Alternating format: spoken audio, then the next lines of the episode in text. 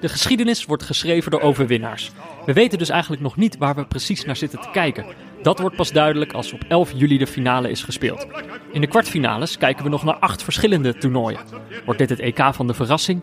Het Griekenland van 2021? Wordt dit het EK waarop de geriatrische gouden generatie van België de laatste kans greep? Wordt dit het sprookje van Eriksen en de Denen? De revanche van het Cava-voetbal van Luis Enrique? De wederopstanding van Italië? Of It's Coming Home? Achteraf zullen we alle details en alle mogelijke toekomsten vergeten. Maar op dit moment leven we nog in acht verhalen tegelijkertijd.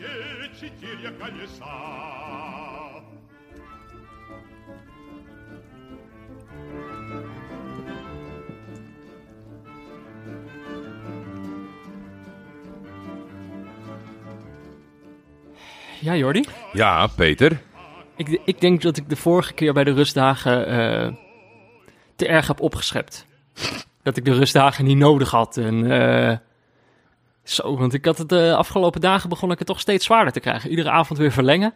Wordt het iedere avond weer laat. Ja, mijn, mijn eh, idee erover is dat deze fase van het toernooi niet alleen ietsjes minder saai is, zeg maar in het geheel, maar dat dat andere qua hectiek je op de been houdt, zeg maar. Omdat je elke dag drie wedstrijden kijkt, vier wedstrijden kijkt en weet je helemaal in die flow zit van elke dag zonder rust. Is dat toch een beetje dat je op automatische piloot gaat. En eigenlijk nu door de dipjes rust tussendoor, dat het steeds zwaarder wordt. Ja, dat je daardoor steeds door hebt hoe moe je eigenlijk aan het worden bent. Ja, ja, ja dat, dat denk ik oprecht. Ik denk dat je beter gewoon eigenlijk eh 30 dagen achter elkaar iets geks kan doen. Dan dat, je, dat ze zeggen, oh, hier heb je twee dagen rust. Ja, als nee, je- nee, nee, kom maar weer terug. En dan met drie drieën komen. En dan weer zeggen, hey, hier heb je weer twee dagen rust. Pak je rust maar. En dan weer terug in de adrenaline. Ja. Dat is veel zwaarder voor mij. Het is inderdaad tijdens een marathon ga je ook niet halverwege eventjes zitten. En Ja. dat je je daarna weer, dat je daar weer moet opstaan. Dat lukt niet. Ik heb geen idee hoe het is, maar ik kan me echt goed voorstellen dat je halverwege die marathon gaat zitten. Dat je dan ook niet meer overeind komt. Nee. Je moet gaan, Blijven gaan. Dus daarom zitten we er vandaag wel weer. Maar we moeten natuurlijk wel zo vriendelijk voor onszelf zijn. Eh, we zit, het is nu gewoon vijf uur, half zes. Ik ben Ja. net door de, de stromende regen naar Diemen gefietst. Eh, dus we, we- zijn wat eerder klaar eh, vandaag. Dat Ja, is, eh, dat dus is we wel hebben qua actualiteiten niet het avondjournaal. Nee, die missen we net. We missen net de mening van Rafael van der Vaart. Dat is jammer. Dus we zullen het zonder hem moeten Maar je doen. kan vanavond wel inschakelen bij op 1. Zag ik voorbij komen. Oh, Heb je dat niet gezien? nee? Wacht heel even. Eh, ik zag net een tweet voorbij komen. Want zo, op recente actualiteit van de middag zitten we natuurlijk nog wel. Eh, Wil Eikelboom die tweette, eh, of tenminste, die citeerde een tweet van op 1, waarin stond: Na elke oranje wedstrijd kon Nederland rekenen op het vlijmscherpe commentaar van Rafael van der Vaart. De oudvoetballer blikt vanavond bij op 1 terug op de ondergang van Oranje. Maar hij kijkt vooral ook vooruit. Wie moet namelijk de nieuwe bondscoach van het Nederlands elftal worden? Er veel gezegd. Waarom heeft Studio Europa die, die commentaren dan niet uitgezonden? Ja, waar, waar waren al die vlijmscherpe commentaren? En dat hij dan ook nog eens nou commentaar mag geven op zichzelf, min of meer. Nou ja, dat is toch... eh, dat is wonderlijk. ja, dus de, Maar- de mensen die... eh, die eh, kijk, voetbal kom je niet aan je trekken. Maar als je Rafael van de Vaart leegte voelt, dan kan je vanavond op één kijken. Ja. Ehm, ja, we gaan eh, vandaag eh, eventjes vooruitkijken op, eh, op de kwartfinales. Mhm. We hebben natuurlijk nou de achtste finales achter de rug. Eh, er zijn nog maar acht ploegen over. Ehm, en ik dacht eigenlijk, zoals ik in de introductie zei... eh, er zijn nu nog acht mogelijke toernooien. Elke ploeg kan eh, in theorie winnen. Ehm, In theorie. in theorie. Ehm, en bij iedere winst zullen we dit toernooi toch op een iets andere manier eh, herinneren achteraf. Dus ik dacht om ehm, vandaag even iedere ploeg te bekijken. En dan eventjes in de, ons proberen voor te stellen van hoe zou het zijn, wat voor een toernooi zou dit zijn als zij uiteindelijk winnen. Eh, tenminste, dat is, eh, dat is hoe, ik het, eh, hoe ik het heb bedacht. Ehm, en dan heb ik ook een soort nou ja, ik wou zeggen een soort headlines geschreven, maar dat is ook niet bij iedere waard. Maar ik heb ieder verhaal een beetje geprobeerd te typeren. Mhm. En nou ja, jij moet er gewoon maar, eh, maar op schieten. Ja, heel veel zin in. Want we, we tellen natuurlijk af naar vrijdag, als het zes uur is. En Yes. ze in Sint-Petersburg gaan aftrappen voor Zwitserland-Spanje. Ja, het is trouwens nog twee feitjes voordat we beginnen. Ja. Van de acht ploegen die er nu over zijn, zijn er maar twee ploegen eerder kampioen geworden. En die zitten allebei aan dezelfde kant van het schema. Het kans op een nieuwe winnaar is, of de kans op een nieuwe winnaar is groot. Ja, is, eh, is zeer groot. Ik weet niet of, of het altijd een beetje eh, zo gaat. Ehm, Maar zes ploegen hebben nog nooit gewonnen. En één van hen komt dus sowieso in de finale. We hebben één kant van het schema waarin alle, alle vier Waar ze ploegen... alle vier eh, nog nooit hebben gewonnen. Ja, dat, dat maakt het dan toch wel weer leuk. Ik vind het toch... dat zou dan toch uiteindelijk een overwinning zijn voor een underdog. Als jij hem nog nooit hebt gewonnen en je Ja. in een toernooi waar diverse landen het wel gewonnen hebben, dan, dan, dan kan het zomaar zijn dat een underdog wint. En omdat we net natuurlijk al een klein eh, eh, eh, de, het eerste duel aan het aanhalen waren. Dat vond ik wel een, eh, een, een leuk berichtje wat ik kreeg eh, van, ja, die luistert volgens mij echt al jaren. Tim Arts, die stuurde mij naar de gekke, naar de knotsgekke avond. Mhm. Hoe mooi als Zwitserland het EK wint in het jaar dat ne- neutrale kijkers ermee ophoudt. Ik, ik had die connectie nog helemaal niet gemaakt, omdat we ook zo in de, hoog in de emoties zaten. Ik ben toch wel een beetje voor jouw laatste feitje en we deze wedstrijd gaan bespre- bespreken. Hoe neutraal moeten wij nog zijn over Zwitserland? Moet Zwitserland dit toernooi niet gewoon winnen? Ja, eh, inderdaad. Laten we ons heel even voorstellen dat Zwitserland wint. Dan denk ik, dan zou het verhaal zijn dat de, de meest neutrale ploeg wint het meest neutrale toernooi. Dat is, kijk, het woord neutraal moet ik dan misschien een beetje uitleggen. Ik denk namelijk, kijk, Zwitserland heeft ons gewoon de mooiste wedstrijd van dit seizoen, of van, van dit toernooi gegeven. De 3-3 eh, tegen Frankrijk. De voorlopig mooiste. Ja, voorlopig mooiste, laten we dat inderdaad eh, zo zeggen. En denk ik een wedstrijd die misschien wel symbool kan gaan staan voor dit toernooi. Namelijk, eh, kijk zeg maar wat ik bedoel met de meest neutrale ploeg en dat ze het meest neutrale toernooi winnen. Tot nu toe is het gewoon een heel goed toernooi geweest voor de neutrale kijker. Zeker. En ik, ik zou het heel leuk vinden als het op die manier herinnerd wordt. En dat kan denk ik op het moment dat Zwitserland het gaat winnen. Omdat Zwitserland de, de logica trotseert. Zij schakelen bijvoorbeeld de gedoodverfde favoriet Frankrijk uit. Dat gaat in tegen de logica. Eh, spelers als Severovic en Chaka zijn in een Zwitserland shirt opeens geweldig. Dat gaat eigenlijk ook een beetje de, de logica te boven. En dat is uiteindelijk, zijn wij achtergekomen, dat vinden wij gewoon heel erg leuk als een ploeg eh, iets doet wat je niet van ze verwacht. Ja, en de los daarvan is er ook nog gewoon het, het, het, het grootste cliché omtrent dit land. Dat ze neutraal Ja, zijn, precies. zeg maar. Dus er zijn allerlei dingen, te, als- diepgaande eh, aspecten te verzinnen. En die zijn zo. Maar ja, de, de meest voor de hand liggende, ja, dat is ook wel gewoon Zwitserland natuurlijk. Ja, en het gaat ook eigenlijk, van tevoren hadden we dit helemaal niet verwacht van, eh, van Zwitserland. Hè? Nee, ja, we hebben, ze ook, we hebben ze ook wel vaak gewoon belachelijk gemaakt. Maar ze hebben ons ook vaak, of tenminste, ze hebben ons nooit ongelijk gegeven. Dat ze eigenlijk niet echt een identiteit hebben. Mhm. Dat ze een gelijkspel ten alle tijden lijken eh, meer, als meerwaarde te Ja, zien. tegen Frankrijk hebben ze eigenlijk ook gewoon eh, gelijk gespeeld. Ja, want zelfs in het allermooiste duel komen ze er gewoon mee weg om, om toch weer gelijk te spelen in, in, in die zin. Groot probleem voetbal inhoudelijk, Peter, gaat worden dat, eh, ja, je hebt hem net al aangehaald, eh Blondie, Granit Xhaka, die is er niet bij. Ehm, Dat was echt, die was heer en meester in de vorige wedstrijd. Ja, dus ik, ik ben benieuwd. Hij is natuurlijk de, de, de, de grote leider van deze ploeg. Ik denk wel dat hij het op zich kan nemen om de, de speler die zijn plaats moet gaan innemen, dat hij die echt wel klaar kan stomen. Als, die, als diegene daarvoor open staat. Het zou misschien wel Zakaria kunnen worden, de middenvelder.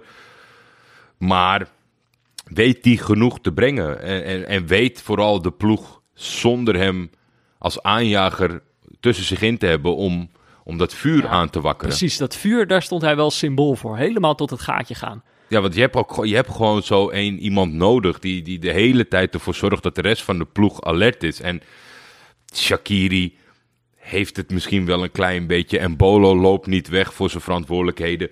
Maar ja, kijk, weet je, Freuler en de hele achterste linie, dat, eh, dat zijn gewoon degelijke jongens. En ik denk dat als je die niet kort op de huid zit, dat dat misschien wel eens, eh, dat ze toch misschien één tandje lager in de energie zitten. En dat zal heel moeilijk worden, want ja, laat wel wezen, Spanje komt steeds beter in het toernooi. En eh, hebben vertrouwen getankt, hebben een enorme dip te verwerken gehad. En zijn daar, hebben die overleefd. De spits is uit een persoonlijke crisis gekomen. Luis Enrique heeft een betere keuze gemaakt eh, bij, de, bij de kledingkast in zijn jeans. Dus eh, het- zal niet makkelijk worden voor Zwitserland. Maar wat, eh, wat is het scenario als Spanje hem uiteindelijk wint? Nou, ik wilde nog één dingetje zeggen over Zwitserland. Mhm. Dat is natuurlijk, ergens zou het prachtig zijn als zij winnen. Ze hebben hem namelijk nog nooit gewonnen, het, het EK. En je zou het helemaal niet verwachten van deze ploeg. Maar daar zit ook een andere kant aan. En dat hoorde ik Rory Smith, geloof ik, zeggen in de vo voetbalpodcast van The Guardian. Mhm. Uh, dat het ergens ook. Kijk, ze zijn uh, op het veld misschien wel de underdog, maar verder is het natuurlijk wel gewoon een, een, een heel rijk land. En is het ook weer niet zo. Zeg maar, als je het bijvoorbeeld wegzet tegen Noord-Macedonië of zo, is het toch net iets minder speciaal als die ploeg uh, een, een, grote prestatie ja, het, het verhaaltje stokt een beetje op het punt van dat de underdog ook vaak onderbedeeld is. Ja, dat ja. is bij Zwitserland natuurlijk niet helemaal het geval. Zeker niet het geval op, op financieel gebied. Aan de andere kant, ja, het is toch geen groot land. Nee. Geen groot voetballand.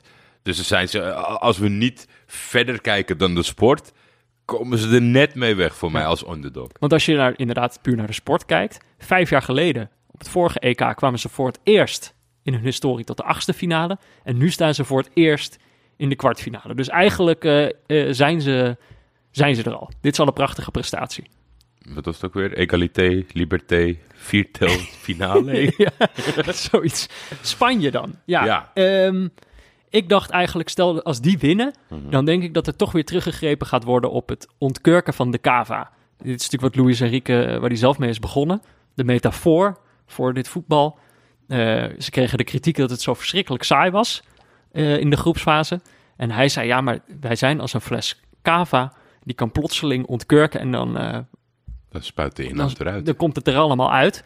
En nou ja, dat zal dan de metafoor kunnen zijn voor deze ploeg. Als zij uiteindelijk winnen. Een ploeg die onvoorstelbaar saai kan zijn om naar te kijken. Maar plotseling kan uitbarsten. Ze hebben natuurlijk tegen Slowakije 5-0 gewonnen. Tegen Kroatië barsten ze echt uit in 5-3. Uh, en ik zie op zich, kan ik dat best wel voor me zien. Dat dit hun beeld wordt van dit toernooi. Dat zij met, zeg maar, periodieke uitspattingen... Uh, iedere wedstrijd weten te beslissen. En uh, gewoon ja, wat is het, 80 minuten saai zijn en in 10 minuten de wedstrijd beslissen en daarmee Europees kampioen worden. Kan natuurlijk gewoon. Mijn hoop is toch wel gevestigd op het feit dat ze nu twee keer achter elkaar uh, lekker gespeeld hebben. En dat dat ook zowel de technische staf als de spelers zelf een soort van boost geeft van ja, weet je, we kunnen wel een soort van rond blijven tikken, maar we zijn gewoon hartstikke goede voetballers. Ik hoop dat ze dat, ze dat element in zichzelf zijn gaan zien van ja, weet je, balbezit is belangrijk. Uh, we kunnen nou eenmaal goed van kleur naar kleur spelen. Maar we kunnen nog veel meer. En dat gaan we gewoon doen. En dat gaan we gewoon meteen doen. Ja. Dat, dat hoop ik vooral.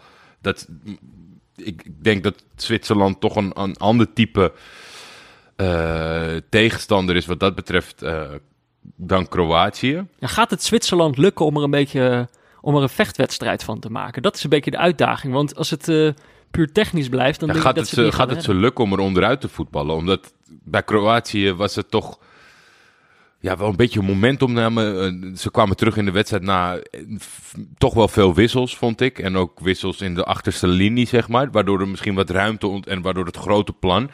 Het, het probleem tegen Spanje is als je niet je goede dag hebt, dat je er gewoon niet uitkomt. Dus dan kan je van alle intenties hebben, maar dan ben je de hele tijd stap je naar links, stap je naar rechts, stap je Ja. naar links. Om, omdat, En dat is saai voor ons. ja, dat is saai om naar te kijken, heel saai om naar te kijken. Alleen ja, ik denk toch dat er een aantal jongens een, een te goede motivatieboost hebben gekregen. Onder de aanvoering natuurlijk van Busquets, die teruggekeerd is van eh zijn COVID tijdens die eerste twee wedstrijden. Mhm. Ik merk daar wel een verschil in. Ja, Misschien wel groter dan ik had verwacht. ze beginnen ook een beetje... In het begin keek ik namelijk naar dat elftal en dan dacht ik, ja... Wie is hier nou eigenlijk leuk? Weet je wel, maar ze beginnen nu een beetje hoofdrolspelers te krijgen. Ferran Torres, Ja, dat zijn de... eh, dat- Sanabria. Dat zijn toch wat jongens die eh, langzamerhand de aandacht beginnen op Ja, te en de attracties. En dat is ook gewoon dat als, als dat soort jongens thuisgeven of, of, of vrij kunnen voetballen, dat, dat je andere spelers ook meer gaat waarderen of beter gedoogt, zeg maar, wat dat betreft. Ja, dit blijft voor mij één, één echt hekelpunt. Ik, ik ben wat ouder geworden, ik ben wat volwassener geworden. Dus een, een, een Busquets, als hij zich een beetje gedraagt, hij was natuurlijk wel weer snel. Bij, die, bij dat penalty moment tegen die Slowaken was hij wel weer snel om tegen de scheidsrechter te zeggen, heb je het gezien? heb je het gezien? Ja. Nou, Sergio, dat zijn gewoon VAR, dus dat komt echt wel goed. Ja, Jordi Alba is de enige die ik echt niet kan gedogen in deze selectie. Dus, Dus die moet op de bank blijven zitten, wat jou betreft. ja, het zou voor mij echt een, eh, een verloren toernooi zijn als de Spanjaarden hem winnen. Ik heb, In herinnering. ik heb sowieso eigenlijk eh, drie punten waarom ik dit, dit verhaal liever niet eh, werkelijkheid zie worden. Eén, lijkt het me niet zo leuk als ze winnen. Want dan gaan mensen tegen ons zeggen dat wij het toch echt verkeerd begrepen hebben. Oh, jullie vonden Spanje toch zo saai? Ze hebben gewonnen. Alsof dat zeg maar een argument is. Alsof je niet gewoon saai kan zijn en kan De winnen. datajongens zijn er al op aan het voorsorteren de afgelopen tijd. ja, die zeggen, oh, Spanje is toch een beetje ondergewaardeerd. Die kruipen uit hun holen. die kijken uit hun zolder dakraam. ja, En zeggen ineens, Spanje, is leuk hoor. precies. Dus dit, dit, eh, daarom moeten ze niet winnen. Nee. Zodat wij niet verliezen van de data, jongens. Het tweede punt hangt daarmee samen. En dat is eigenlijk een doembeeld. Ik schrijf eh, in eerste instantie op. Zij kunnen ontkurkt worden als, eh, als Kava. Maar volgens mij kan deze ploeg ook gewoon het toernooi winnen zonder ooit te ontkurken. Gewoon door iedereen helemaal suf eh, te spelen. Zowel de, de kijker als hun tegenstander. Eh, en dan zie ik opeens voor me dat het leukste toernooi dat we ooit hebben gezien, wat het tot nu toe is, gewonnen wordt door een van de saaiste ploegen die we hebben gezien. Ja, en dan wordt het herinnerd als een saai toernooi. Ja, en dan wordt het ook misschien weer een, een, een soort van motivatie voor andere landen om saai voetbal te gaan spelen. Omdat dan toch weer de analyse is, als je terugkijkt op het toernooi, ja, jij was leuk, Zwitserland lachen, die wedstrijd, maar wie won hem? Ja, wie pakte nou de titel? Ja, Ja. die saaie ploeg. En we zijn er eigenlijk nu net vanaf aan het geraken. Dus Ja. ja, ja ik heb wat dat betreft een beetje doembeeld. Denk ik wel dat dat... Ja, ik denk dat het gaat meevallen omdat het ze blijkbaar niet gelukt is om zonder te ontkurken Ja. eh, te presteren. Dus ik denk dat ze dat niet meer helemaal durven. Het laatste argument dan, en dat is misschien wel de sterkste, ze hebben het al drie keer gewonnen. In eh, 1964, in 2008 en 2012, dus twee keer nog heel recent. Eh, ze zijn ook één keer verliezend finalist in 84. Ik Denk, jullie hebben het al vaak genoeg geproefd. Laat een van die andere ploegen Hegemonie is nooit leuk. Want tussen 8 en 12 zit natuurlijk ook 10. En ja, het is, het is, gewoon, het is gewoon niet leuk als je zo'n gedoodverfde favoriet hebt. Je wel als hij sneuvelt. Dus hij moet ergens met die status aankomen. Dan mag je zeg maar, misschien als je het meest recente toernooi hebt gewonnen of zo. Maar als je hem drie, vier keer achter elkaar gaat winnen. Ja, dat is gewoon, dat hoort niet. Nee. eh, dus in deze wedstrijd Zwitserland-Spanje is de neutrale kijkers choice Zwitserland. Toch? Ja, moet. kunnen niet anders. Moet. Eh, of Spanje moet het wel heel leuk maken. Nou, en dan om 9 uur op vrijdag 2 juli eh, staat de volgende kwartfinale op het programma. België-Italië in eh, München. Ehm, stel dat België hem wint. Ik had deze al in de introductie opgeschreven. Dan zou de headline denk ik zijn... Geriatrische gouden generatie flikt de laatste kunstje. Flikt de laatste Dat is een mond vol, Peter. Ja, allitereert lekker hè? dat wel. Eerst had ik eh, volgens mij iets van de bejaarde Belgen, dat allitereerde ook. Eh, maar kijk, ze hebben natuurlijk gewoon de oudste selectie van dit toernooi gemiddeld. Eh, Vermalen, Vertongen, Alderwereld, Witsel, Chatli, Hazard. Allemaal spelers die zeg maar echt eh, het niveau van het Belgisch voetbal eh, enorm omhoog getild hebben. Allemaal beter waren dan de Belgen die ervoor kwamen. Maar ook allemaal Belgen die al een beetje op, het, op hun retour zijn van hun, eh, van hun carrière. En het is maar de vraag of ze er nog bij zijn eh, als, ze over, als je over anderhalf jaar het WK hebt. En als ze daar al bij zijn, is het maar de vraag of ze nog wel net zo goed kunnen voetballen als nu. Ehm, dus dan ontstaat een beetje het verhaal, wat Nederland ook wel een tijdje heeft gehad. De gouden generatie. Is dit het laatste kunstje dat ze nog kunnen flikken? Is dit de laatste keer dat het kan? Die druk wordt volgens mij wel een beetje eh, opgevoerd in het team. Ja. Ehm, daarbuiten is er gewoon, denk ik, wel iets wat de Belgen enorm bezighoudt. En dat is natuurlijk dat eh, Eden Hazard, die op wondere wijze eh, s- zonder, met heel weinig speelminuten dit toernooi is ingegaan. En, en, en indrukwekkend heeft gespeeld. En een, een geblesseerde eh, De Bruyne is aangesloten. Eh, en dat ook heel goed deed. Echt gewoon in zijn eentje in die, in die wedstrijd tegen de Denen natuurlijk het verschil maakte. Ja.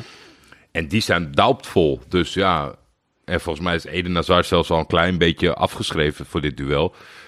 Kan iemand Ja, die ging anders... met een eh, hamstringblessure ja. eraf.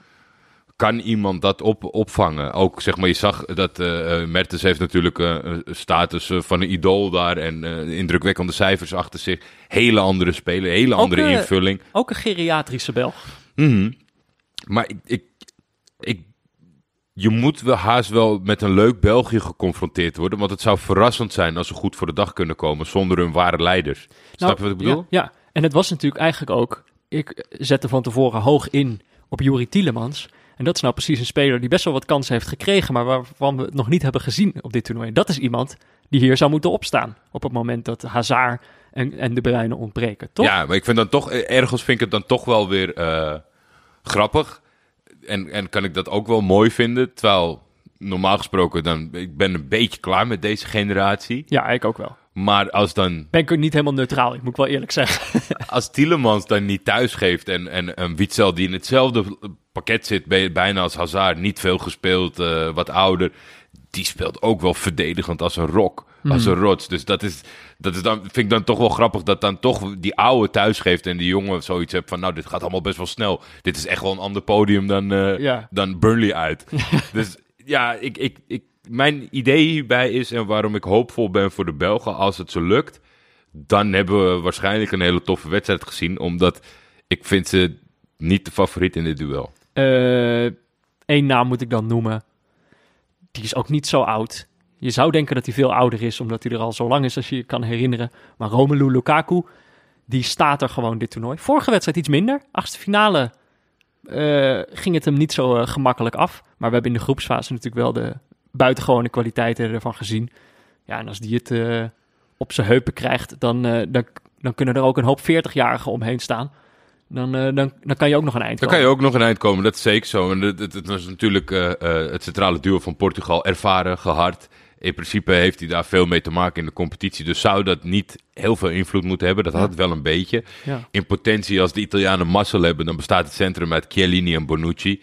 En dat vind ik, da- dat vind ik echt wel iets om naar uit te kijken. Die clashes tussen hem en het centrale duo. Ja, iemand- Hoe ze daarmee omgaan. Vooral ook omdat hij natuurlijk deze volgende stap in zijn ontwikkeling gezet heeft in Italië. Hij is daar gewoon een veel betere speler Ja. geworden. Dus eh, het is wel leuk dat hij juist tegen Italië dan weer moet gaan laten zien. Eh, en voor de Belgen, ja, het is een gouden generatie, maar hun beste prestatie blijft op het EK toch echt de kwartfinale van 2016. Toen ze eruit vlogen tegen Wales, toch? Of Mhm. is dat, eh, ja, Ja, dat was echt, ja, de grote verrassing. Ja, precies. Dus eh, ze, moeten verder komen om die prestatie eh, te verbeteren. Maar ja, dit is wel een andere tegenstander dan Wales. Italië, Ietsjes anders. ietsje anders. Ik denk, dit is ook een beetje... Kijk, eigenlijk, weet je wat we eigenlijk aan het doen zijn nu, Jordi? We doen een beetje het werk voor de journalisten. Hoe zij uiteindelijk na het EK de winnaar moeten gaan beschrijven. En ik denk, als Italië wint, dat eh, het, de, het stuk als volgt wordt. Namelijk, eh, de Italianen vinden zichzelf opnieuw uit. Dat wordt dan Oh. het verhaal. Dat denk ik ook. Want dat wordt dan wel de definitieve afrekening met de clichés die we nog steeds eh bezigen overal. Tenacho. De verdedigende Italianen. Matthijs de Ligt gaat naar Italië. Daar zal hij wel echt leren verdedigen. Ehm, terwijl dat geldt voor zeg maar, de Italiaanse competitie al lang niet meer. Er wordt verschrikkelijk veel gescoord. En dat En komt echt niet alleen, verdedigd. precies, dat komt echt niet alleen door hoe goed de aanvallers zijn. Allemaal En- door Lukaku. Ploegen die furoren maken in Europa, zoals bijvoorbeeld Atalanta, die doen dat niet met verdedigend voetbal. Eh, en ik denk dat dat misschien ook wel een beetje vergelijkbaar is met wat deze nationale selectie doet. En de indruk die zij gemaakt hebben in de groepsfase is gewoon van een ploeg die vol voor de aanval gaat. Eh, dus ik denk, zeg maar, als zij winnen, dan wordt dit het toernooi waar eh, wordt afgerekend met de Italiaanse clichés. Ja, en ik denk dat eh, de equivalent van eh moet Malo of Weghorst spelen. In Italië op dit moment natuurlijk is Ferrati. Die de plek heeft ingenomen van de uitmuntende Locatelli. Waarvan alles voor te zeggen valt. Alleen ja, zat wel... Dat wil ik niet allemaal aan Ferrati toe, eh, eh, toeschrijven hoor. Maar er zat behoorlijk wat zand in de motor. Voor het eerst tegen Oostenrijk. Ja. Oostenrijk niet de beste ploeg. En ze hadden daar echt wel moeite mee om datzelfde, om datzelfde energielevel te halen. En de, de winst pas binnengesleept toen Locatelli weer binnen de lijnen kwam. Ja, dus, dus ik denk dat eh, dat zal wel een soort van moeilijk punt. Het, het, het lijkt wel dusdanig vast te staan. Ik, ik ben daar nooit zo van als een, als een trainer. Als je echt diverse posities gewoon ingevuld op een presenteerblaadje krijgt. Dus Barella en Jorginho zijn voor hem onaantastbaar. Ja, Terwijl snap die- ik wel. Die andere Ferrati en, en eh, Locatelli eigenlijk heel goed zijn. En dat, dat je dat, die afweging per se maakt. Dat zit natuurlijk een beetje in, eh, in, in het spel dat hij wil spelen. Maar ik ben benieuwd. eh, eh, kijk, het kan natuurlijk ook zo zijn dat ze wakker zijn geschrokken door de Oostenrijkers. Hè? Ik heb altijd gezegd, in een wedstrijd een totaal andere stijl aanmeten of energielevel vinden is heel moeilijk. Dus dat het dan tegen Oostenrijk een hele wedstrijd lang met hangen en wurgen gaat, oké. Maar we gaan nu zien, tegen een betere kunnen. tegenstander, of zij zoiets hadden van, oeh shit, misschien dachten we zelf ook al dat we kampioen waren. Dus we gaan weer gas geven. Ja. Ze zijn met de schrik weggekomen en kijken, nu kijken we of ze ervan geleerd hebben. Ja, Eh, jij hebt het over Locatelli en Verratti. Ik, eh, ik kijk natuurlijk naar een heel ander probleem. Namelijk, ja, Berardi. of Berardi, mijn man. Of die wordt opgesteld. Of, eh, of dat we toch eh, het wonderkind Federico Chiesa te zien krijgen.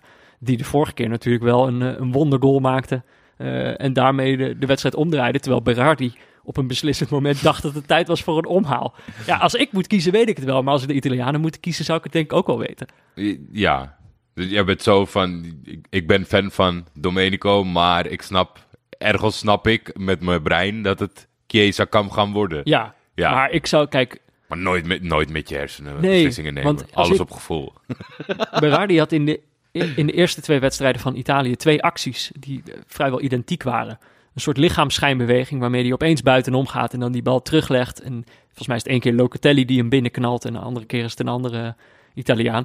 Dat, vind ik gewoon een, dat was gewoon een prachtige actie. En dat het hem dan twee keer lukt. Hij heeft een soort signature eh, move. Die zou ik gewoon graag nog wel een keer willen zien. Dus misschien als invaller. Ja, Italië is natuurlijk het, eh, het, grootste eh, punt in, in onze Team Flow, Team Rust discussie die een beetje ontstaan is. Dat was logisch natuurlijk in, in die fase van de, de laatste wedstrijd van de groepsfases. Is bij iedereen die er goed voor staat, is dat de discussie. Ja, Ik zou het heel jammer vinden ergens als ze, als ze toch om, om Team Rust te zijn...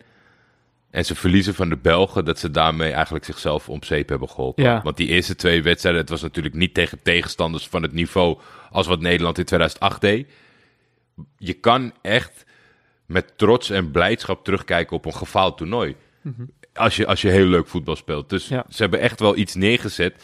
En dat hebben we nu al twee wedstrijden niet helemaal teruggekregen. En als het dan nu het einde zou zijn, zou dat toch nog heel, heel veel afbreuk doen aan het potentiële sprookje. Wat ze hadden kunnen neerzetten. Wat tot de conclusie zou kunnen leiden die jij aan het begin zei over Ja. de Italianen. Eh, nog één dingetje hoe je team denk ik ook kan typeren.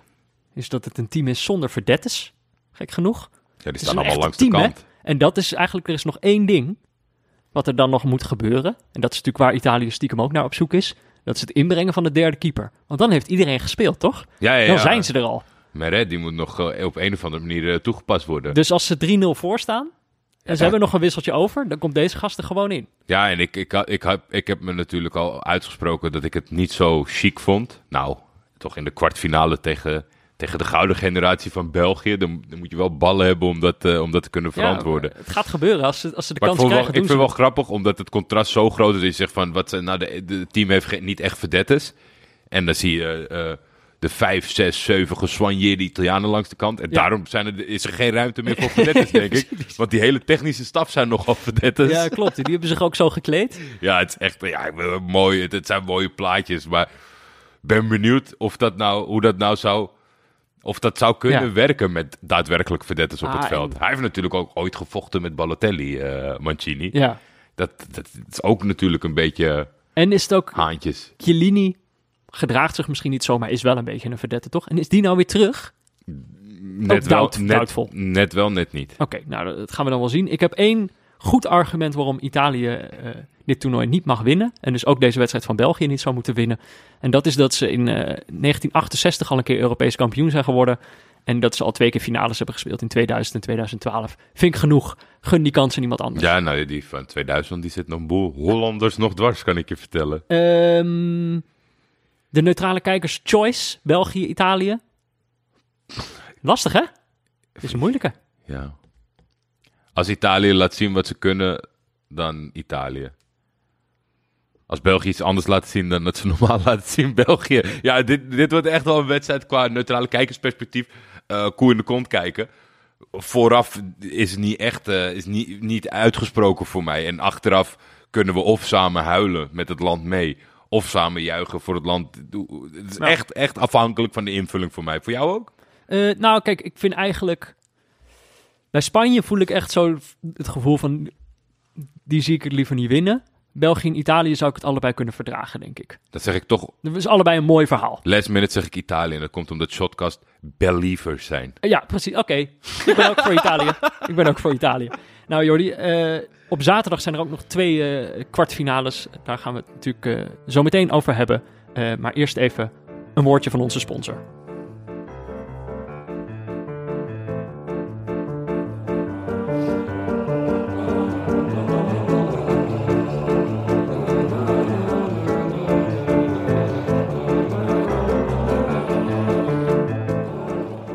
Ook deze aflevering van Neutrale Kijkers wordt natuurlijk mede mogelijk gemaakt door Auto.nl. Auto.nl heeft deze zomer het perfecte autorijnummer laten maken door Tim Knol, uh, Wandering Heart. Maar de Neutrale Kijker zit natuurlijk vooral thuis op de bank en ja, op rustdagen waarop het regent. Wat moet je dan? Uh, nou ja, dan kan je natuurlijk de ultieme EK-playlist uh, opzetten. Formule is bekend. Elke dag haalt een luisteraar een liedje uit de lijst en zet hij er eentje terug voor in de plaats. En vandaag, Jordi, een, hele, een heel blok tekst. Oei. Frank Metsenmakers. Beste Jordi en Peter. Soms moeten smeekbedes worden verhoord. Maar wel alleen als er ook een reden voor is en er toch een verhaal achter zit. In 2014 woonde ik in Moskou en keek ik het WK daar met een doel. Het Nederlands elftal. 2018 was compleet anders. Ook die zomer was ik in Moskou en logeerde ik vlak bij de wijk Lubjanka in een iets te hip hotel, omringd door met name supporters van het Colombiaanse voetbalteam. Wel gezellig, denk ik. Ja. Ik had in Nederland al geworsteld met mijn gevoel van een WK zonder oranje. Maar eenmaal in Moskou voelde ik me als een indringer die stiekem op een feestje aanwezig is waar hij eigenlijk niet mag zijn. Op de ochtend van Engeland tegen Colombia liep ik richting de metro. De avond ervoor had ik met bewondering de stunt van de Belgen tegen Japan waargenomen. Maar ook daar niet helemaal geweten of het toegestaan was voor een ander land dan Nederland te juichen. Er was die ochtend net een regenbui gevallen en voor de verandering dus eens niet verzengend heet. Vlak voordat ik het metrostation instapte, zag ik links van me Joep Schreuder staan in een portiekje voor een hotel. Hij rookte een sigaretje, keek op zijn telefoon en leek in niets of niemand zin te hebben. Toen onze blikken elkaar kruisten, de NOS-journalist en de twintiger in netpak, wist Joep volgens mij meteen dat ik een Nederlander was. Zo'n iets te lange blik van erkenning die landgenoten kunnen hebben, gevolgd door een snelle afwenteling terug naar zijn telefoon. Ik vroeg me af, hoe kijkt iemand als Joep nu naar dit toernooi? En waarom gaat hij vanavond eigenlijk naar Colombia tegen Engeland? Die avond zag ik, zag ik op de terrassen van Moskou, gevuld met Latijns-Amerikaanse furie en dronken Engelse euforie, hoe Engeland eindelijk afrekende met hun penalty-syndroom. It's coming home was ook in Moskou overal uh, te horen. Vergelijkbaar met de manier waarop het land gisteren met hun Duitsland-syndroom wist af te rekenen. Ik worstelde nog steeds een beetje met de vraag hoe ik me voelde. Een dag later ontdekte ik via een vriend neutrale kijkers. Een kleine drie weken te laat, maar toch precies op tijd. Ik vond meteen rust in de gedachte dat neutraal kijken mogelijk is en dat het niet hetzelfde is als voor iemand zijn. Voor niemand zijn. Of voor niemand zijn. Ja. dat is een hele lange mail hoor mensen. We zijn er bijna. Na een aantal podcasts neuriede ik stiekem mee met It's Coming Home. Net als jij Peter, ook al lag er stiekem toch een oranje shirt op mijn hotelbed in Moskou.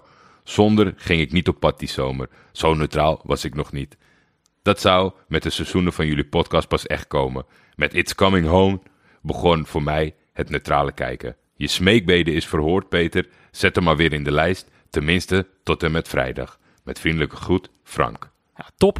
Uh, is je natuurlijk wel één ding vergeten. een liedje eruit te halen. Maar ja. daar heb ik een oplossing voor. We kregen namelijk, er waren meerdere mensen die mijn smeekbeden om Is Coming Home erin te zetten hadden ja. verhoord. Waaronder uh, Willem de Gelder. En ik denk dat past eigenlijk ook wel bij dit verhaal. Want Willem de Gelder die zei wel welk liedje er, uh, eruit moest. En dat is namelijk uh, Majesteit van Guus Meeuwis en uh, Joep van het Hek. Dus dan doen we die eruit. Ja, dat is ook perfect. Heeft Willem gezegd, die hoort ja, precies. er niet meer in. Die Nederland er... eruit? Ja, ik vind de laatste dagen wordt er heel logisch nagedacht. Het is natuurlijk pas nu in de fase beland dat de mensen afscheid nemen. ja. Maar ik had hem vandaag nog even opstaan en toen werd ik toch weer geconfronteerd met het fluitje van Guus en de, en de teksten van Joep. Het heeft, het heeft er niks mee te zoeken. Willem zei ook, dat doet me alleen maar, doet me alleen maar denken aan alle eerdere uitschakelingen van Nederland. Dus haal die er maar uit. Nederland eruit, Engeland erin. En ik vind ook, we moeten met z'n allen een beetje uh, dat sentiment voeden. Ja. Expres. Zodat die uh, Engelsen extra veel erin gaan geloven. Dus voor iedereen het best. En het is ook gewoon wel een lekker nummer. Dus uh, top, dankjewel Frank voor je mailtje. Uh, mocht je er morgen... Nee, morgen niet. Morgen hebben we natuurlijk een gast. Die mag er dan een liedje inzetten en eentje uithalen. Uh, mocht je daar alvast voor de dag daarna een liedje erin willen zetten... dan moet je natuurlijk mailen naar neutralekijkers.gmail.com. Eén regel. Tim Knol mag er niet uit. We zijn contractueel verplicht door de sponsor Auto.nl om uh, Tim Knol erin te laten staan. Je bent echt perfect op tijd. Want het is ook beter gewoon om naar Willem te luisteren. Want Frank mailt net negen minuten geleden. Die zegt: Oh, excuses. Er moet er natuurlijk ook eentje uit. Dat moet het vertrek van de Duitsers natuurlijk zijn. Maar ja, dat, dat is nu te laat, Frank. Jammer, Frank. Te laat, Frank. nou, dank voor je, voor je prachtige verhaal. Um, Gaan we naar Baku? Yes. eh, mocht je de hele playlist willen luisteren, dan moet je zoeken naar de ultieme neutrale kijkers EK-playlist in samenwerking eh, met Auto.nl. En die kan je beluisteren op Spotify.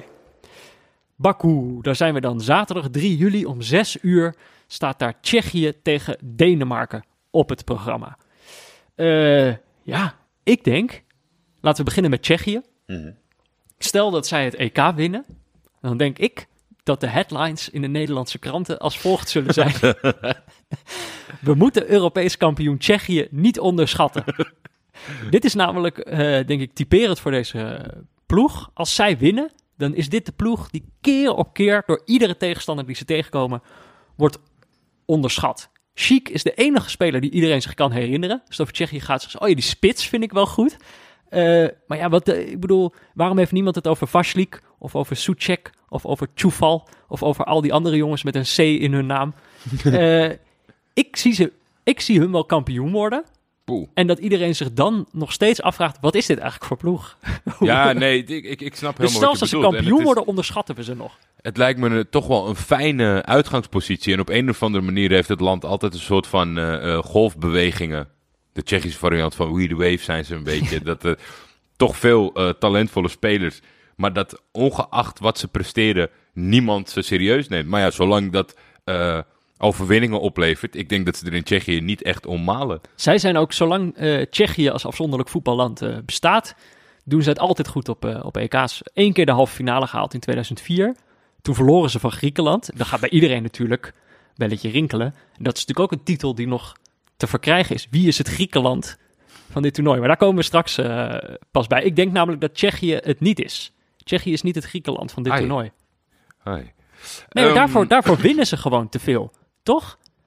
Daarvoor hebben ze Nederland gewoon te hard in de pan gehakt. Ja, en, en ook misschien eh, om, om Griekenland te zijn, moet, moet ook wel echt iedereen, behalve van iedereen met een ander paspoort, moet op je spugen. Ja. Dat is toch wel een beetje, Ja. dan pas ben je het Griekenland Maar- van een toernooi. Zelfs dat gebeurt niet bij die Tsjechië. Nee, nee, nee, want de mensen onderschatten het. Ja. Die zeggen van, moet ik hierop spugen? Is dan helemaal niet nodig. Hartstikke aardige gasten.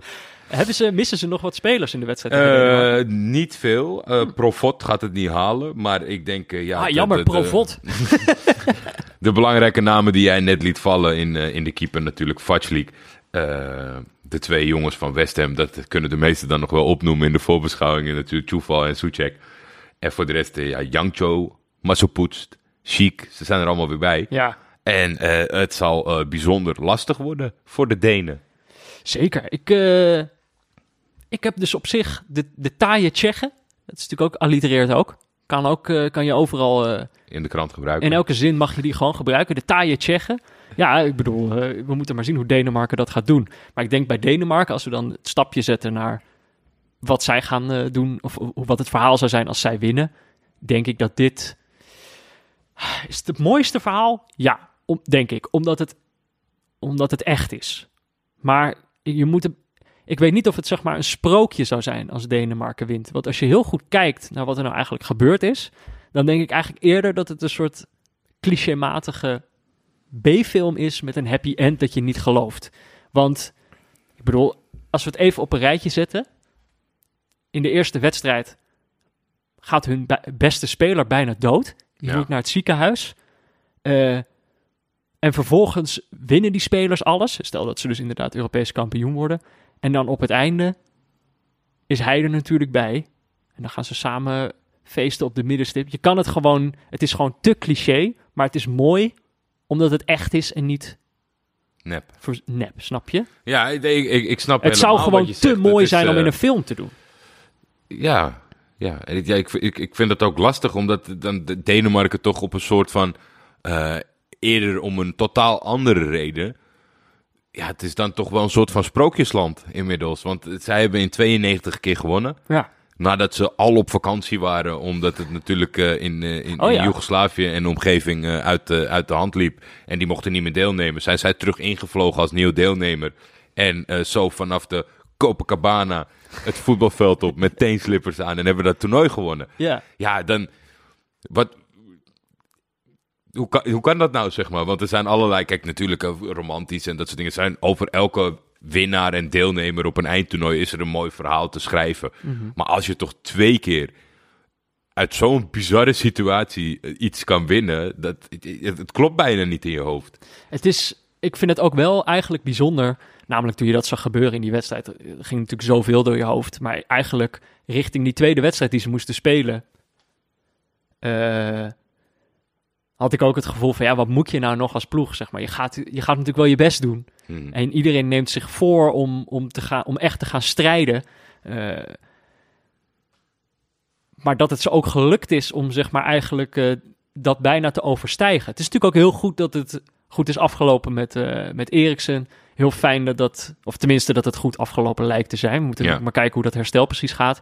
Maar het is ze wel gelukt om dat eigenlijk eh, te overstijgen. En ook gewoon een ploeg te worden die puur voetballend de, de gunst van de neutrale kijker verdient, zeg maar. Ja, want dat is ook een beetje natuurlijk wat heeft, eh, heeft plaatsgewonnen. Zij hebben natuurlijk wel wat, eh, wat overwonnen voor zichzelf, maar ook bij het publiek, zeg maar. Omdat we hebben het net al gekscherend over Griekenland gehad.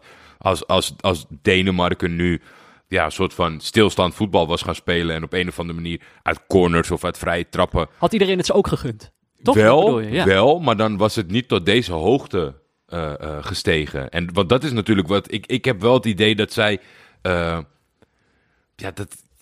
De impact van zoiets is van buitenaf niet, niet, niet voor te stellen, zeg maar. Maar wat ik denk is dat teams die goed presteren, die hebben altijd strijdlust. En, en met het voor elkaar door het vuur gaan. En dat is dan misschien, zeg maar, in, de- in de gehele, als je uitzoomt of als analist, is dat misschien een beetje bahoekje. Want dan kan je allemaal niet zoveel, want het is belangrijk dat je de halfspaces doordringt en zo, tactisch plan. Ja. Maar als je toch een beetje kijkt naar de grote verhalen in de sport over de wereld, dan is het toch wel altijd een soort van teamgeest of iets dergelijks. En dit heeft volgens mij zo'n uitwerking op teamgeest, dat het ook een voetbal met zich meebrengt, wat heel prettig kijkt. Dus je denkt, oh, ik gun deze jongens van alles.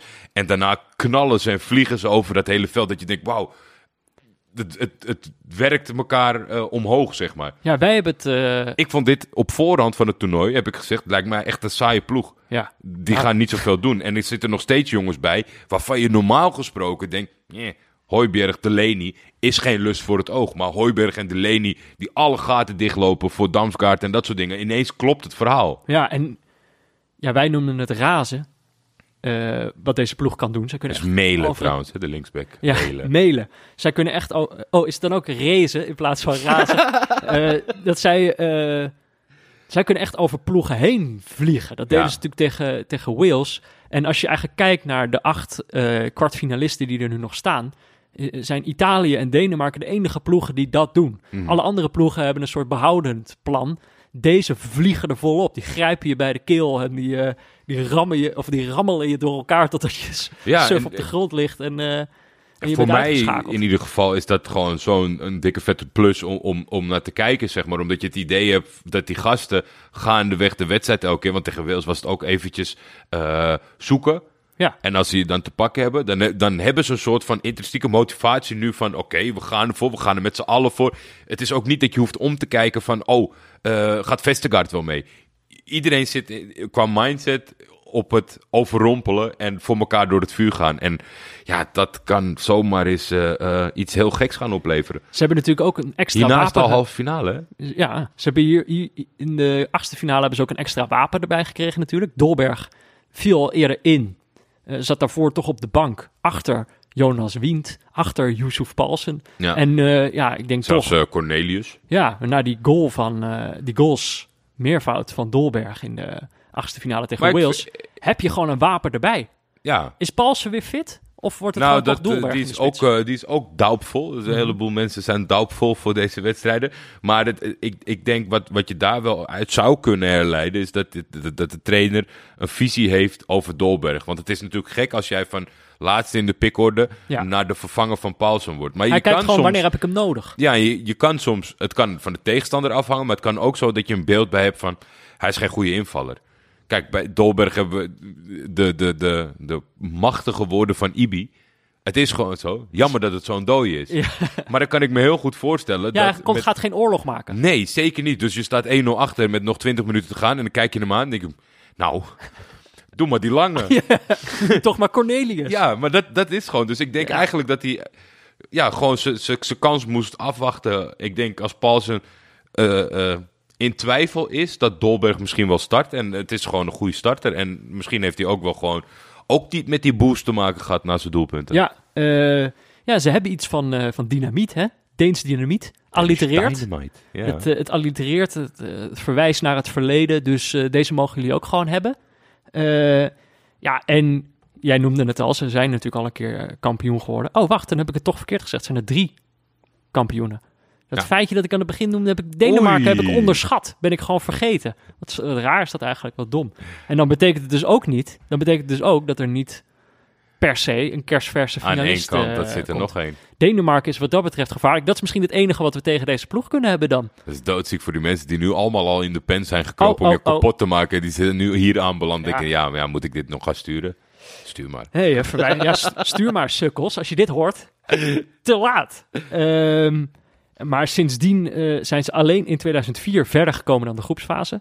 Eh, en toen strandde het in de, jawel, kwartfinale. Dus eh, voor Denemarken staat natuurlijk een hoop op het spel. We gunnen het ze wel. Maar ja, als je kijkt naar dit affiche, wat is dan de neutrale kijkers choice? Tsjechië of Denemarken? Denemarken. Jawel hè? Ja. Ondanks dat ze in dit duel niet per se underdog zijn, is het, is het verhaal en de uitvoering in het voordeel van hun. Ja. Het zou heel gek zijn als je zeg maar met, met de lofzang die ik net heb gedaan over het prettig kijken van het spel, dat je dan zegt nee, neutrale kijkers, die moeten dat Tsjechen, die moeten voor Tsjechië zijn. Nou, maar ik zal er ook niet heel rauwig om zijn als het wel de Tsjechen zijn. Nee, Dus hier kunnen we eigenlijk niet Dat- verliezen. nee. Ik hoop dat de Denen ze niet onderschatten alleen. Ja. En dan de allerlaatste kwartfinale. In Rome. Ja. It's coming Rome. Jezus, Dit is niet van mij. Dit was Gary Lineker. Echt? Ja, die heeft dit gezegd. Oh, Gary, Gary, Gary. Je maakt al die, die flaters Ja, rondom overtredingen. Maar dit doet hij dan dit doet hij ook een beetje met zo'n eh, besmuikte glimlach. Terwijl de, de analisten naast hem eh, hoofdschuddend Ja, toekijken. Dus het- ik vergeef het hem. Oekraïne, Engeland in Rome inderdaad. eh, zaterdag om, om 9 uur. Ehm, ja, Oekraïne. Stel dat die het winnen. En dat is dan toch eigenlijk de titel die ik ze moet geven. Dit is natuurlijk gewoon het Griekenland van 2021. ja. Of een andere titel die, die ik ze ook kan geven. Het is natuurlijk een beetje. Het zou, ze lijken er iets minder op omdat ze, die destijds minder de underdog waren. Maar ze zouden ook het Portugal van 2021 kunnen zijn. Eh, vijf jaar geleden was het namelijk eh, Portugal die Europees kampioen werden. Zonder een wedstrijd te winnen. Eh, die, die hebben alles naar verlenging gedaan. Eh, en nadat ze ook al de, de beste nummer drie waren en daardoor zeg maar de achtste finales bereikten. Dat is de route die Oekraïne ook aan het bewandelen is. Ze gingen als Maar laatste nummer de, drie de, door. de optie die, dat die nu nog open ligt, dat is perfect. Omdat deze wedstrijd kan de doorslag geven als het goed valt voor Oekraïne. Zijn zij Griekenland, zijn zij Portugal. Ze hebben gisteren best wel een uur lang aan mij laten zien dat ze het Portugal zouden kunnen zijn. En dan is dan iets negatiever, omdat die dan weinig scoorden, weinig gingen aanvallen. Maar op zich wel oké voetbal. Oké, Griekenland in de herinnering, daar heb je gewoon het idee van... Die hebben 92 minuten in hun eigen gebied gestaan, stil. Mhm. En gewoon als een soort human shield. Ja, En schoot hem toen één keer naar voren en toen heb Garistedes hem binnengekopt. Dus het is, het is aan hen. ja. Eh, verder denk ik hoe je deze ploeg moet typeren. Ik denk dat je bijvoorbeeld kan opschrijven eh, die Dekselse Jarmolenko en Jaremchuk. Ik denk dat uh, Evert de Napel meeschrijft, eh, Peter. Eh, die, voor, die allebei hun namen, hun achternamen allitereren. Eh, maar wat je, hoe je het ook zou kunnen typeren. We hebben hem gisteren natuurlijk voor het eerst echt gezien op dit toernooi. En dat is Zinchenko, die volwassen wordt. En het team eh, aan de hand neemt en ze naar de zege leidt. Gisteren een doelpunt en een assist. Eh, dat maakt een hoop los bij hem. Dus het zou ook, eh, dat zou ook het verhaal kunnen zijn. Ja, ja oké. dus dat hij vanaf, vanaf dat moment volwassen gaat worden. Want de, de, de viering van gisteren was niet volwassen. past niet helemaal bij het volwassen Nou worden. ja, maar als je Oekraïne Europees kampioen maakt, eh, dan is dat toch een soort volwassenheid. Toch als dat je lukt, ja. dan uit je je misschien niet zo volwassen op zo'n moment, maar dan ben je in je, in je daden wel volwassen. Nou, Ehm, wat ik zeg, een, een heel groot deel van de wedstrijd toch ineens leuk, eh, leuk eh, voetbal laten zien. Eh, De individuele kwaliteiten waren vooraf wel een beetje bekend. Ik, ik kijk op van Jaremchuk en Jarmolenko. Vind ik net iets beter uitpakken. En dan ook, weet je, gisteren met die assist. Dan denk ik toch, ja, had ik niet in hem gezocht. Het zijn natuurlijk eh, ge- geen, eh, eh, geen nietsnutten. Dus ze kunnen wel voetballen. Maar ja, weet je, ook weer die West Ham en Gent. Het is, is geen eh swing-on duo. Als, Nee. je, als je FIFA-YouTuber bent, ga je niet gek doen als deze eh, die, eh, die walkout komen, zeg maar. Maar ja, je hebt Sinchenko en dan nog achter de hand hebben ze zelfs in- door deze trainer Malinowski. Wat zijn gewoon de creatieve breinen die ervoor moeten zorgen dat die anderen in stelling worden gebracht. Ja. En de rest doet gewoon eh, hartstikke zijn best. Wat natuurlijk wel zo is, en dat is, geldt voor meerdere ploegen. eh, kijk, wij hebben tot het gaatje moeten gaan door al die verlengingen. Maar dat geldt ook voor een, eh, een hele hoop van deze ploegen. Die, Hmm. eh, die toch tot het uiterste hebben moeten gaan om deze kwartfinale überhaupt te bereiken. Dus eh, dat levert misschien ook nog een ander spelbeeld op in al deze wedstrijden. Nog een ander verhaal. Dit is misschien meer iets voor de Groene Amsterdammer. Of eh, voor, eh, voor Vrij Nederland of voor VI Pro. Ehm, en dat is eigenlijk, je zou natuurlijk ook nog een soort politiek verhaal over deze Oekraïnse ploeg was, kunnen, ik kunnen was schrijven. benieuwd of we daar zouden belanden. Nou ja, ik kan het nooit gescheiden houden, hè? dus dat komt bij mij altijd toch weer de hoek om kijken. Maar het begon natuurlijk al met dat shirt van eh, Oekraïne, waarop eh, ze zeg maar de, de kaart van hun land eh, hebben staan met de Krim erbij. Ja, Wat als een provocatie werd gezien door, door Rusland. ze zijn snel geprovoceerd, hè, Ja. dus, eh, hey, wat doen jullie nou? We, zijn, we, we zijn geschoffeerd. we zijn hier pas net binnengevallen. En dan nu al zo geschoffeerd. Wees blij dat wij binnenvallen. Wees blij dat we dit Ja, annexeren. ja, dat is natuurlijk ja, dat een soort van eh, een, een, een mars ontstaat tijdens de huldiging om de Krim weer terug, terug te pakken. Nou ja, pff, jij, jij loopt wel heel erg de zaken vooruit. Maar kijk, ze zijn nu natuurlijk al verder gekomen dan, dan Rusland. ja, Eh, en Rusland was natuurlijk onthutsend zwak, eh, dit toernooi.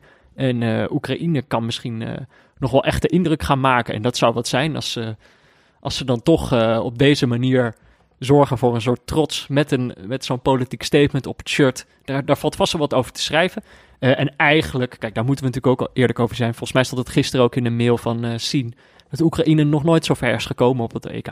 Ze zijn er eigenlijk bijna altijd bij, maar ze komen nooit verder dan de groepsfase. Eh, zelfs niet als het in hun eigen land is. En nu eh, kwartfinale. Dus het is eigenlijk al top.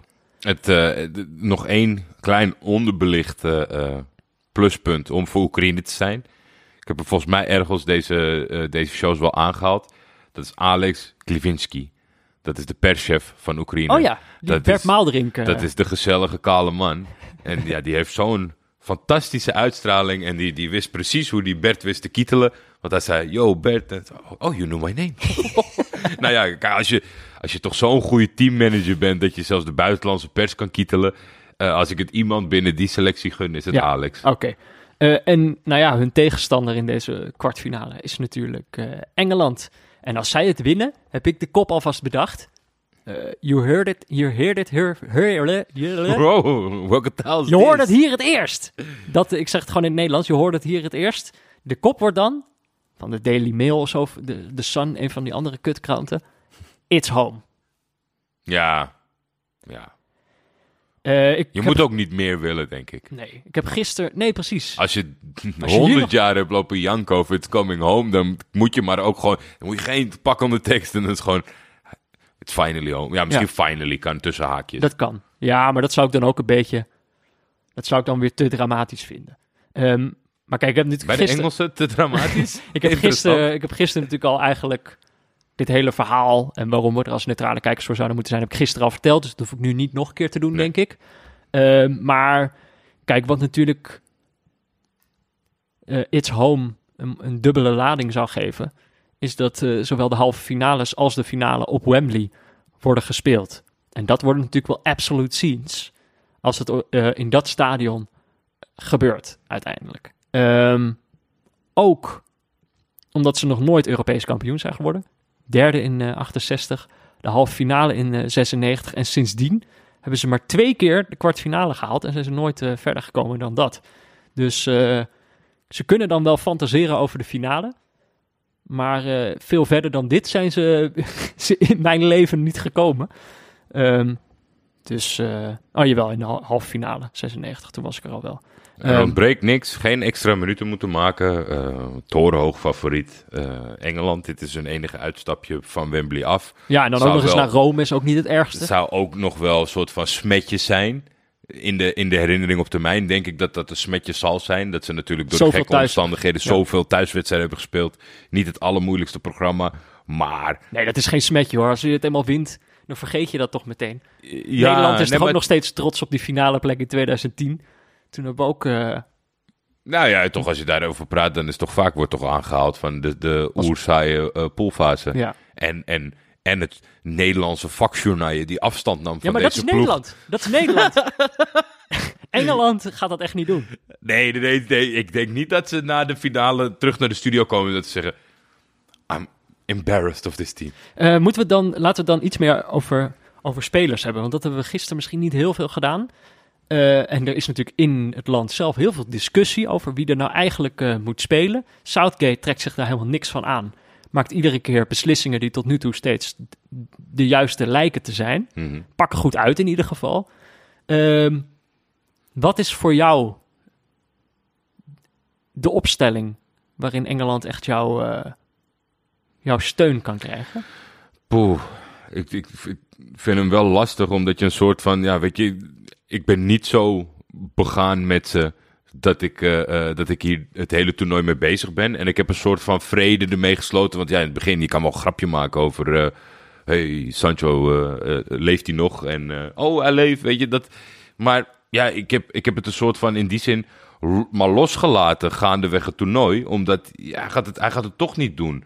Het zit, eh, wat, wat voor mij factoren zijn. Ik vind best wel dat, dat aanpakje met eh, proberen tegenstanders te vermoeien. Dan komt Grealish erin om het open te breken. Oké.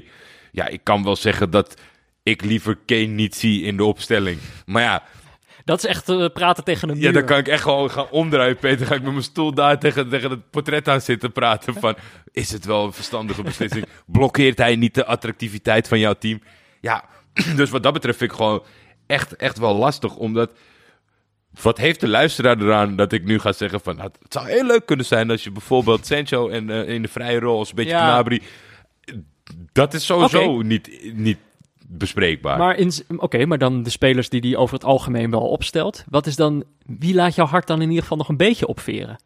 Ehm, nou ja, eigenlijk toch wel nu, nu eh Saka speelt. Ja. Sterling. Phillips kan ik op zijn manier van genieten. Ehm, ja, de rest zit niet heel veel bij wat ik... Ja, Shaw vind ik dan grappig op- door het, het gisteren aangehaalde. Even kijken, Lord of the Wind stuurde nog. Mijn theorie is dat Shaw consequent een te klein shirt aan heeft. Waardoor hij er erger uitziet.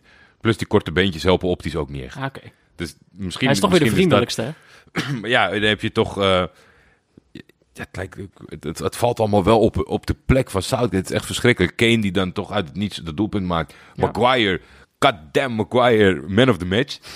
Ja, dan. eh, eh, dat, dat, dat, zijn ze wel een beetje. Maar je, kan natuurlijk ook niet oneindig frivole spelers opstellen. Je kan niet Sancho, Bellingham allemaal maar erop zetten. Maar er is wel meer ruimte tot attractiviteit. Maar zolang die wint, heeft hij gelijk. En er, er zit voldoende individuele performance in, denk ik, om, om het te gedogen bij mij. Ik denk als, als Mount erin komt, dat vind ik altijd al vind ik minder. Ja. Ik vind die aanpak met Saka, daar kan ik dan best wel mee leven. Oké, dan gaan we daar, daarop hopen. De neutrale kijkers choice in deze wedstrijd. Oekraïne tegen, tegen Engeland. Ja, ja, ja, jij hebt uh, dus Ik heb aangegeven dat we voor Engeland moeten zijn, dat ik daar niet tegenin durf. Nou, jij mag wel Oekraïne zeggen. Nou ja, het is natuurlijk wel eh, van. Hier is denk ik de meest duidelijke underdog. Gezien de situatie in het staatsintoernooi. Zeker, Of, zeker. Ja, ik zit te twijfelen tussen Spanje, Zwitserland of deze. Deze, Deze. absoluut. Ja, nou ja, dan, eh, zeker met dat dan Oekraïne. Oké. Ik ga voor Alex uh, Glivinski. Uh, nou, daar heb je het dan. De vier kwartfinales. Uh, de keuzes zijn gemaakt. De verhalen eh, liggen allemaal al klaar. Die Het kunnen gaat al- precies andersom uitpakken. Weet u dat ook alvast? De disclaimer. Eh, de, de conceptartikelen kunnen alvast eh, geschreven worden. Ehm, morgen dan gaan we ons wenden tot de opiniepagina's, eh Jordi. Eh, op de rustdag morgen krijgen wij namelijk een cursus eh, meningen Ja. over voetbal. Van de Jij flexibele kort, opiniemaker. Kort, afgelopen seizoen heb je even in die hoek begeven. Ja, dat is niet succesvol. Dat weten de Nee, luisteraars misschien dat je na dit gesprek eventueel wel weer een doorstart kan maken. Ja, Veel mensen waren enthousiast, maar eigenlijk voordat ze enthousiast konden worden, was je alweer weg uit het landschap. precies. Dus morgen gaan we leren hoe we echt opiniemaker moeten worden van de flexibele opiniemaker Thomas Hoogelink. Eh, en, eh, nou ja, dan zit het er nu op. Maar ja, onze vrienden van de show die krijgen straks natuurlijk nog eh, niet-neutrale kijkers. Onze spin-off show. En dan ga jij wat, dan ga jij wat geks doen. Nou, Nou, ja, geks, doen. Geks. Ik ga kijken naar wat voor iets geks jij hebt gedaan. Gisteren heb je namelijk onze luisteraars verteld over de TikTok die er van jou is gemaakt bij de kapper. Ja, ik heb niks gedaan. En hij kapper heeft dat gedaan. Maar die, die TikTok stond vanochtend kwam die online. en ik dacht, lijkt mij wel leuk dat ik ga, dit doen ze op YouTube ook altijd, ik ga live reageren op de TikTok van eh, de kappers TikTok van Jordi. Dus jij hebt je gewoon de hele dag weten te beheersen. Ik heb niet gekleed, ja, zeker. Wauw. Dit is echt mijn eerste reactie krijgen de, de luisteraars zo meteen. Ehm, maar goed, dit, dit En was nog veel natuurlijk, meer. eh, En nog veel meer, ja, dat natuurlijk ook. Hè. Neutrale Kijkers is mede mogelijk gemaakt door Dag en Nacht Media. De hoofdsponsor op de borst is Auto.nl. De muziek is Tachanka van Leon Lischner en Friends en een adaptatie daarvan van Studio Cloak. Eh, de artworks die je ziet zijn het werk van Barry Pirovano. Daarover komt nog meer, toch? Dat, Zeer dit binnenkort. is de eerste teaser. Zeer binnenkort. Eh, mocht je nog wat nootjes willen hebben, dan moet je natuurlijk bij Sebon zijn, de beste notenbar van Amsterdam, voor de niet zo neutrale kijkers borrelmix. Eh, en wil je meepraten? Dat kan. Je kan ons volgen op Twitter via het buurtvader of de Vef. Je kan ons mailen op neutralekijkers.gmail.com of je kan een berichtje sturen via vriendvandeshow.nl slash Eh, ja, dus voor al onze vrienden. We zien jullie in de bonusaflevering. En voor de rest. Ho, ho, ho. Oh, zijn er, ho, zijn er nieuwe ho. vrienden? Eén nieuwe held. Jezus, Tim 83. is de 83ste Tim al. Zoveel hebben we er al. Ja, ik, had, ik had wel het idee gisteren bij die namen. eh, eh, stond het ste- zowel bij Jara als bij Nathan stond er een 2 achter. Toen had ik wel het idee van, oh, dit, dit systeem nummert. Maar toen Tim 83 zich aanmeldde, had ik niet het idee dat we al 82 Tims hadden. maar eh, welkom erbij, Tim. Superleuk. maak gebruik van alle unieke voordelen die je hebt. Binnenkort, nee, ik, wou, nee ik, ga, ik ga ze niet belachelijk maken.